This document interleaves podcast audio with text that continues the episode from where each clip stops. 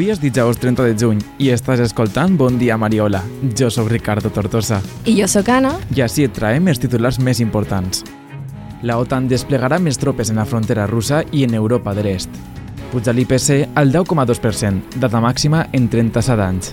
Una xiqueta d'un any ha sigut assassinada per un altre xiquet a Estats Units. Mor el futbolista Scott Berbellon als 44 anys. Alacant obri la primera planta de reciclatge de diversos materials. Taylor Swift podria optar a la seva primera nominació a l'Oscar per la seva nova cançó.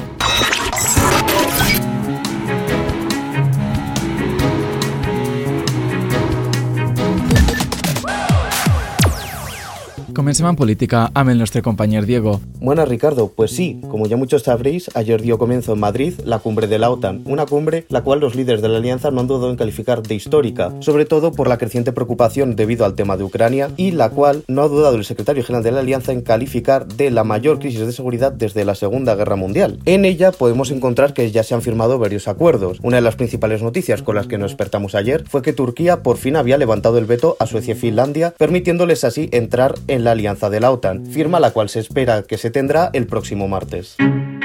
También han sido muy sonadas las palabras de Joe Biden con respecto a la defensa de cada centímetro de la alianza, dicho textualmente en los nuevos documentos, los cuales es para España para permitirse así la adhesión definitiva y explícita de Ceuta y Melilla en la Carta de la OTAN. Por último, una de las grandes medidas impulsadas por este primer día de la cumbre y también por la participación del presidente de Ucrania en esta por videoconferencia ha sido el reforzar las fronteras de la OTAN en la zona más cercana a Rusia, sobre todo en los países bálticos. También se ha confirmado la llegada de los nuevos destructores en los años 2024 y 2026 a la base de Rota en España. También se reforzarán países como Italia, Reino Unido y Alemania. Este último país también ha afirmado que añadirá 15.000 tropas a las fuerzas de respuesta rápida de la OTAN.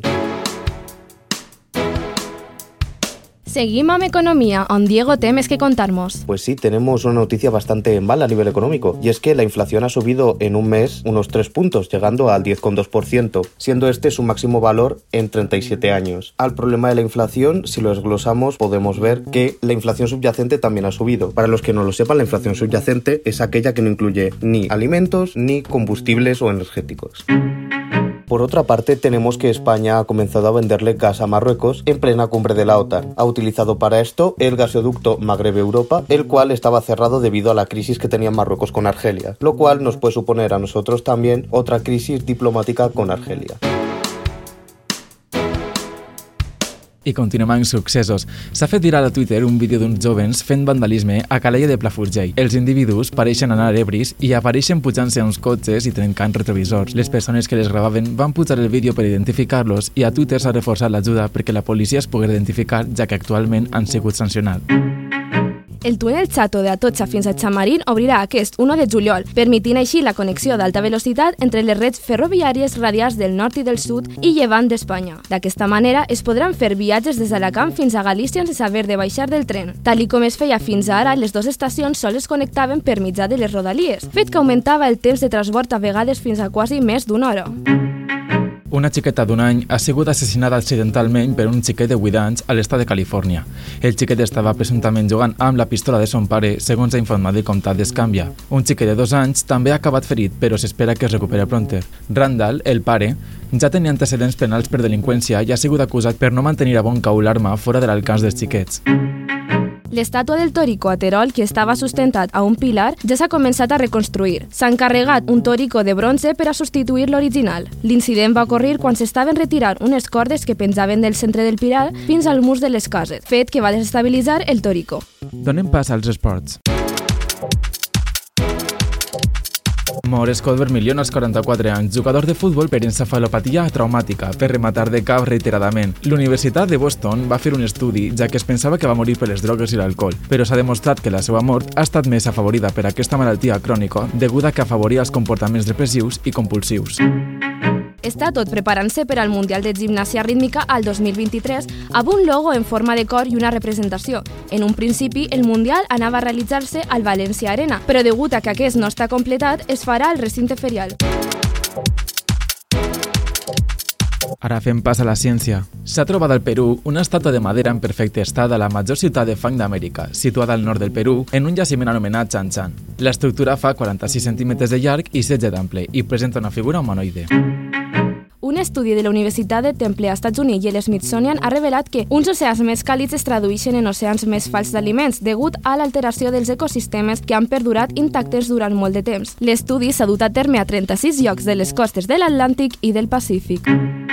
Obre a Alacant la primera planta de reciclatge al país capaç de processar roba, joguets i calçat. Aquest es considera un ITE degut a que aquests tres contenen materials molt difícils de separar i per tant fins ara sols es podien desfer a l'escombrer directament.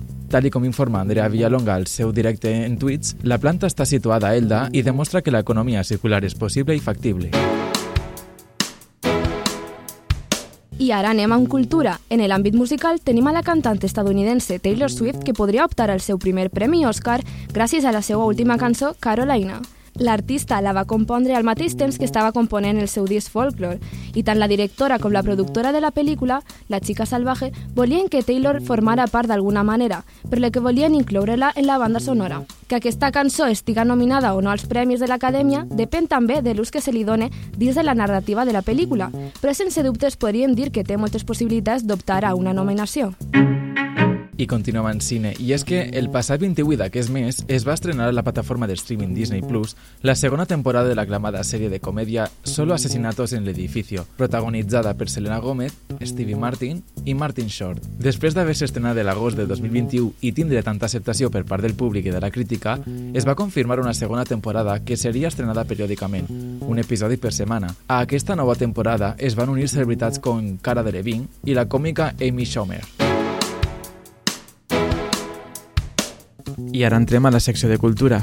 La literatura està prenent un camí nou en el que moltes influencers estan promovent llibres a través de plataformes com Instagram i TikTok, que prenen el nom de Bookstagram i BookTok. Gràcies a aquest fenomen, moltes joves estan introduint en el seu dia a dia nous llibres que promouen la seva cultura i compressió lectora. I no sols això, sinó que degut a l'augment de vendes de llibres, el sector audiovisual està prenent nota dels llibres més populars per adaptar-los a la gran pantalla. Així n'ha passat en sagues com Sombra i Hueso o El verano en el que me enamoré. I fins així el programa d'avui. Ens despedim. Recorda que pots encontrar-nos a Twitter i a Instagram com arroba bondiamariola i que pots escoltar altres podcasts a la web de Bon Dia Mariola i a Spotify. Jo sóc Ricardo. I jo sóc Anna. I has escoltat Bon Dia Mariola.